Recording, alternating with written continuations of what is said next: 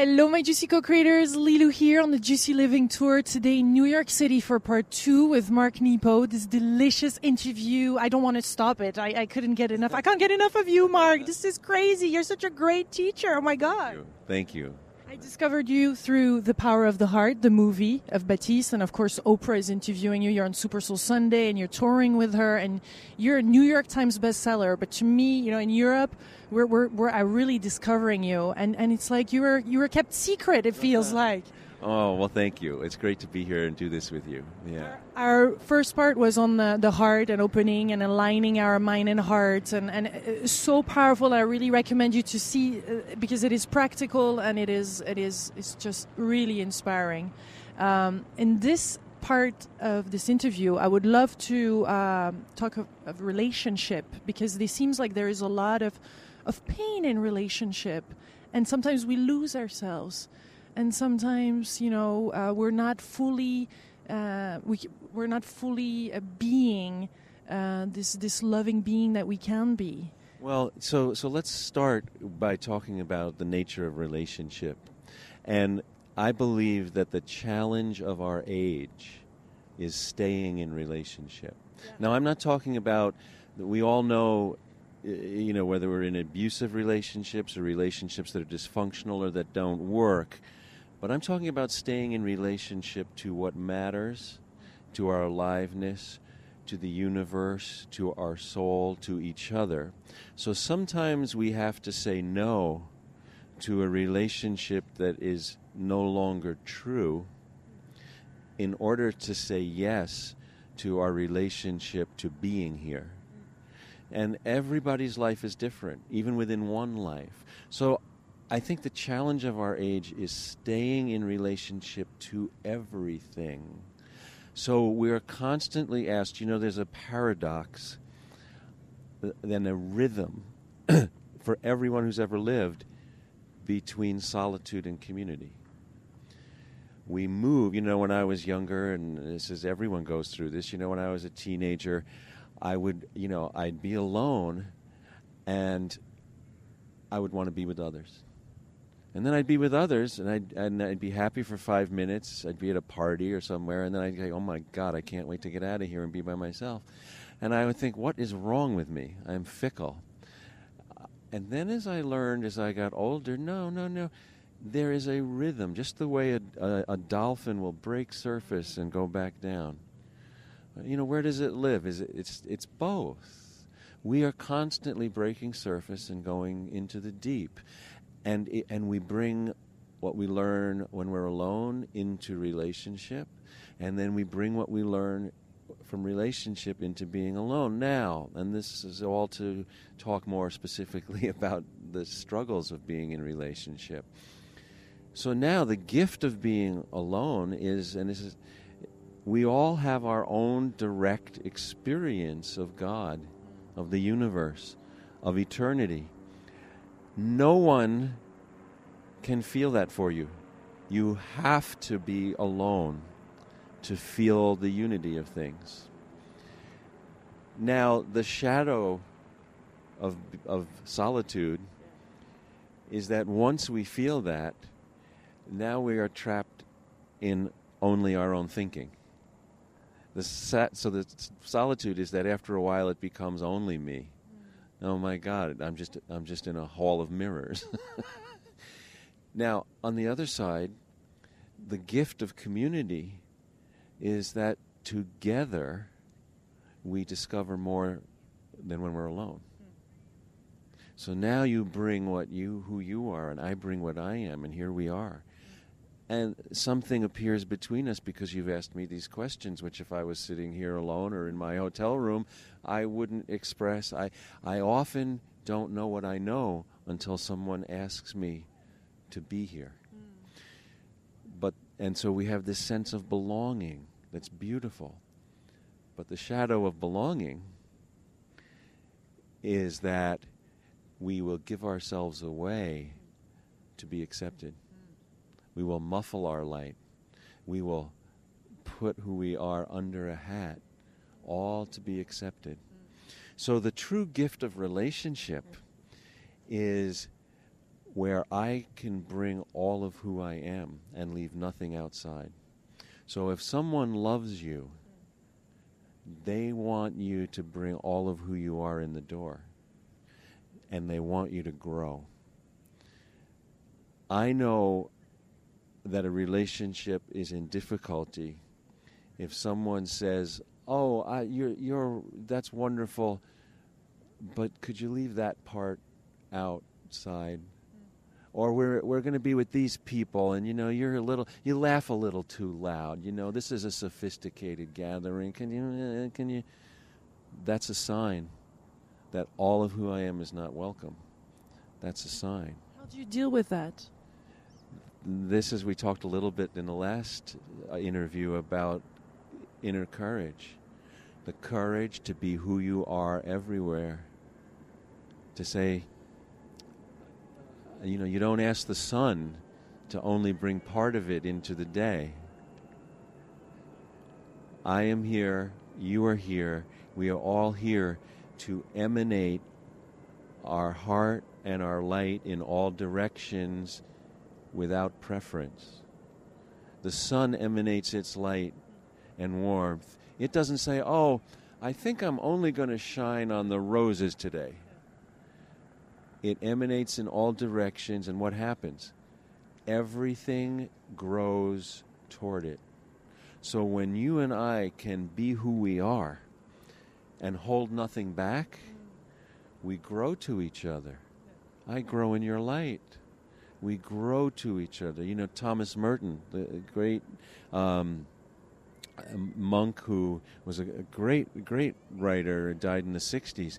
He said, You know, if we truly beheld each other, we would drop down and worship each other. If I truly took who you are and I go, Oh my God, oh my God, here we are. So, what happens now? Now, yeah. now let's move to um, the living in relationship which is messy and magnificent and real. And this is where we are asked to grow by rubbing up against each other. We are asked to learn by not retreating from who we are, but being more who we are. Not in manipulating controlling, directing, or saying, "Oh, I, this is such a wonderful person, and I think if I were in relationship, I could turn them into something even better." No, no, no, no, no. That is nobody's province. I need to accept you for all of who you are. So there's a paradox here. Yes, we all grow, mm-hmm. but essentially, who you are is who you are. And I love all of you, or I, or I don't love you. So when we are now, so when we're in pain with each other, my job, and I've learned a lot from my wife, Susan, who's 18 years younger than I am, but she's a very old soul. and she's taught me a lot emotionally through the years. We've been together 20 years. And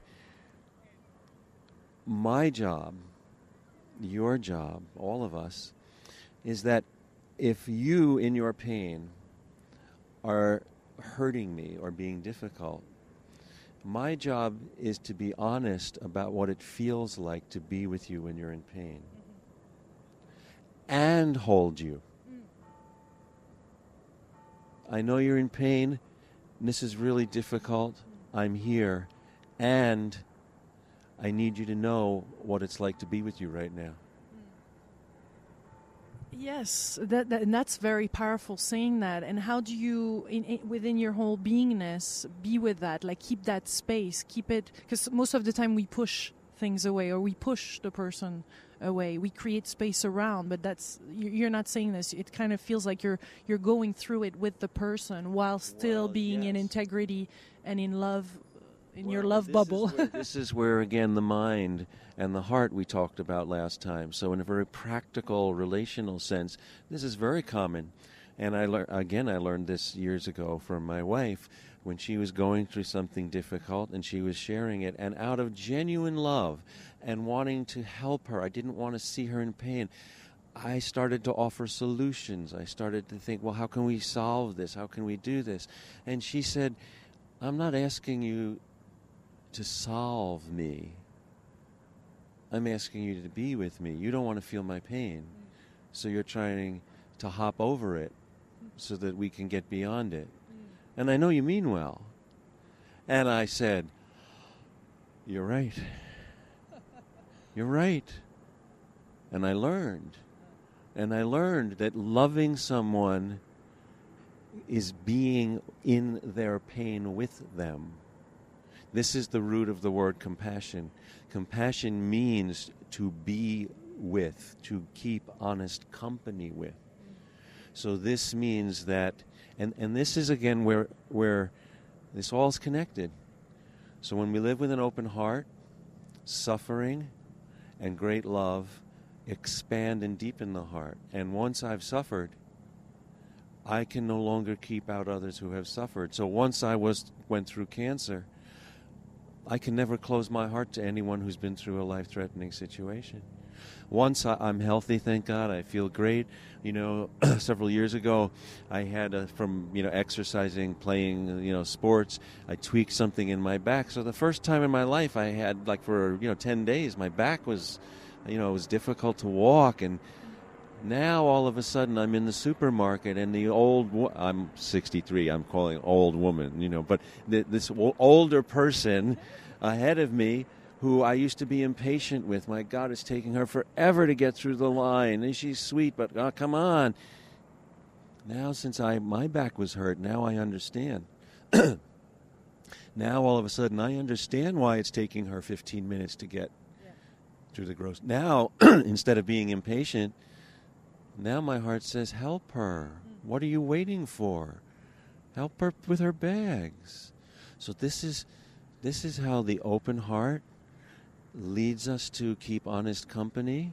And now the honest company because now we go back to the relationship. When I tell you that I know you're suffering, and it's also difficult right now for me because this is what it's like to be with you when you're suffering in this particular way. Now I give my loved one the opportunity because I've been honest to show up even more. Now that person can say, Well, I'm sorry that I can't help it. And thanks for being here. And thanks for being here.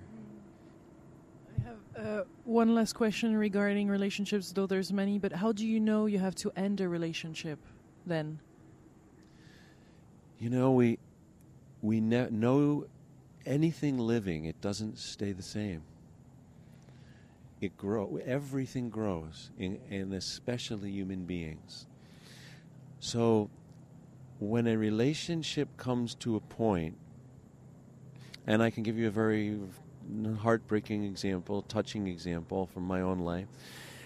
When we grow into a place where all of who I am, now it's not to mean like you and I could be uh, in a relationship, a friendship, or you know, we could each have part significant others, and like birds who who come back to the nest, but during the day they're flying here and there. No, we can have separate lives and share in the nest. So I'll and I'll share uh, if we have time, two amazing stories. need to explain more a little bit the nest situation because our mind gets a little bit. Right. We're like, okay, what does this mean? So the nest, but but but there are times when we grow, and we live in different waters, and now we have to honor if if your soul can no longer breathe living in the company of another. It's not about blame, it's not about fault. Your first obligation is to your heart's aliveness. So we waste a lot of time often, and we all do this because it's difficult. We waste a lot of time trying to find, oh, well, they find fault with the other person. Or to say, or to make things difficult enough so that one or two, one of the two people will say, okay, that's it when really when we if we can from the depths of our hearts say my god i love you and I can no longer be here because I'll drown if I stay here. I don't know how this happened, but it did. Now, none, none of this is easy. We know this. But eventually, I think we we get there. Once we and it doesn't mean that we don't do things to each other in relationship that maybe cause one or another saying, "I can't live this way. This relationship doesn't work," especially in dysfunctional or abusive relationships. Mm-hmm. But I'm talking where the soul needs to breathe. We each know this in our heart. And I mean, it needs to have space to be. What do you mean by breathing? I've never heard that. The soul breathe. I love it. Uh, well, the soul needs to. You know, our career is staying where our soul can breathe. Where that takes place is our occupation. So I I can change what I do in the world over a lifetime because I'm following the aliveness of my heart. Because my job is to stay in that aliveness. So let's uh, let me tell two quick stories about relationship. One is very profound, and it, it comes from a poem uh, by the Irish poet Yeats.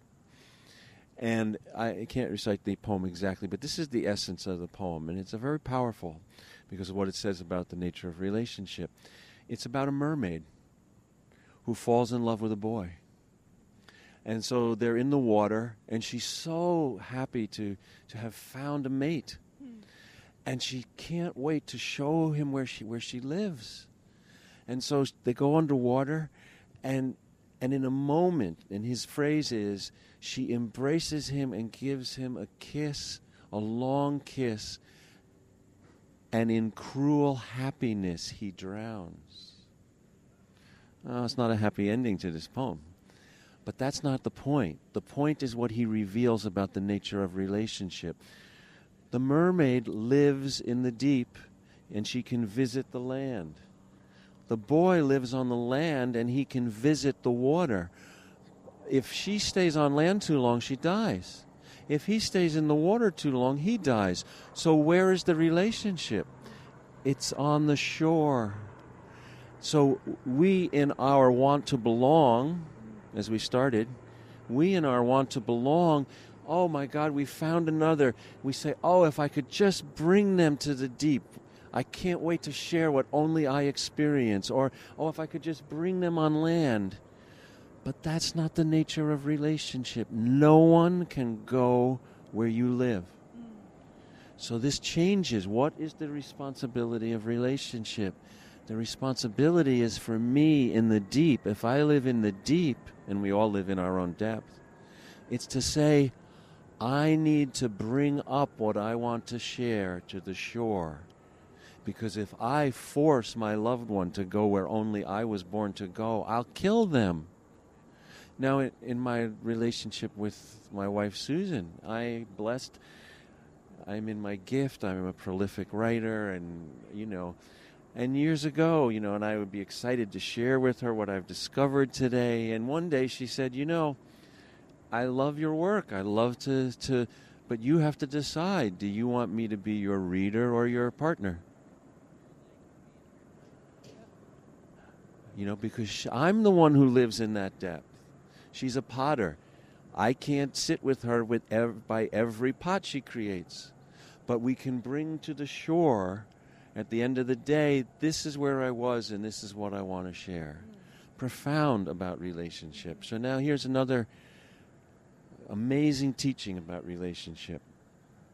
This goes to ancient times in the Middle East, in the Sea of Qatar where per, there are natural pearl beds. Before we had scuba tanks and GPS and everything, the way pearl divers would work, whether it was a brother and brothers or a father and son or brother and sister or partners, two people would go out in a boat. One would tie a rope around the other with a sink stone, and one would dive over to search the depth for pearls. And the other would hold onto the rope and count the time they had to breathe.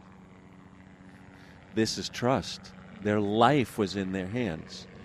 So they would count the time that they would have to breathe so that the one diving would be free to look for the pearls. This is relationship. Now they would bring up, then they would tug the line, they would come up and they would put whatever they found, treasures, before them and they would look at them together.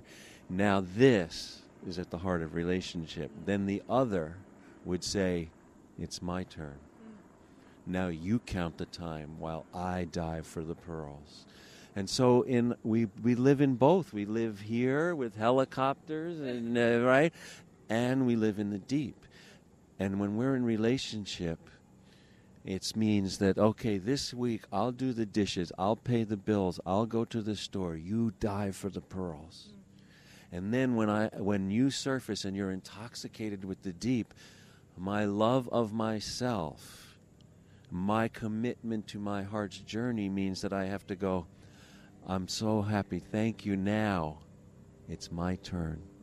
Next week, you do all this so I can go where you just was. Beautiful. Thank you, Mark. Wow. it's uh, it's quite something to interview you and, and get to, in this in, in this wow, we just dived together, I feel.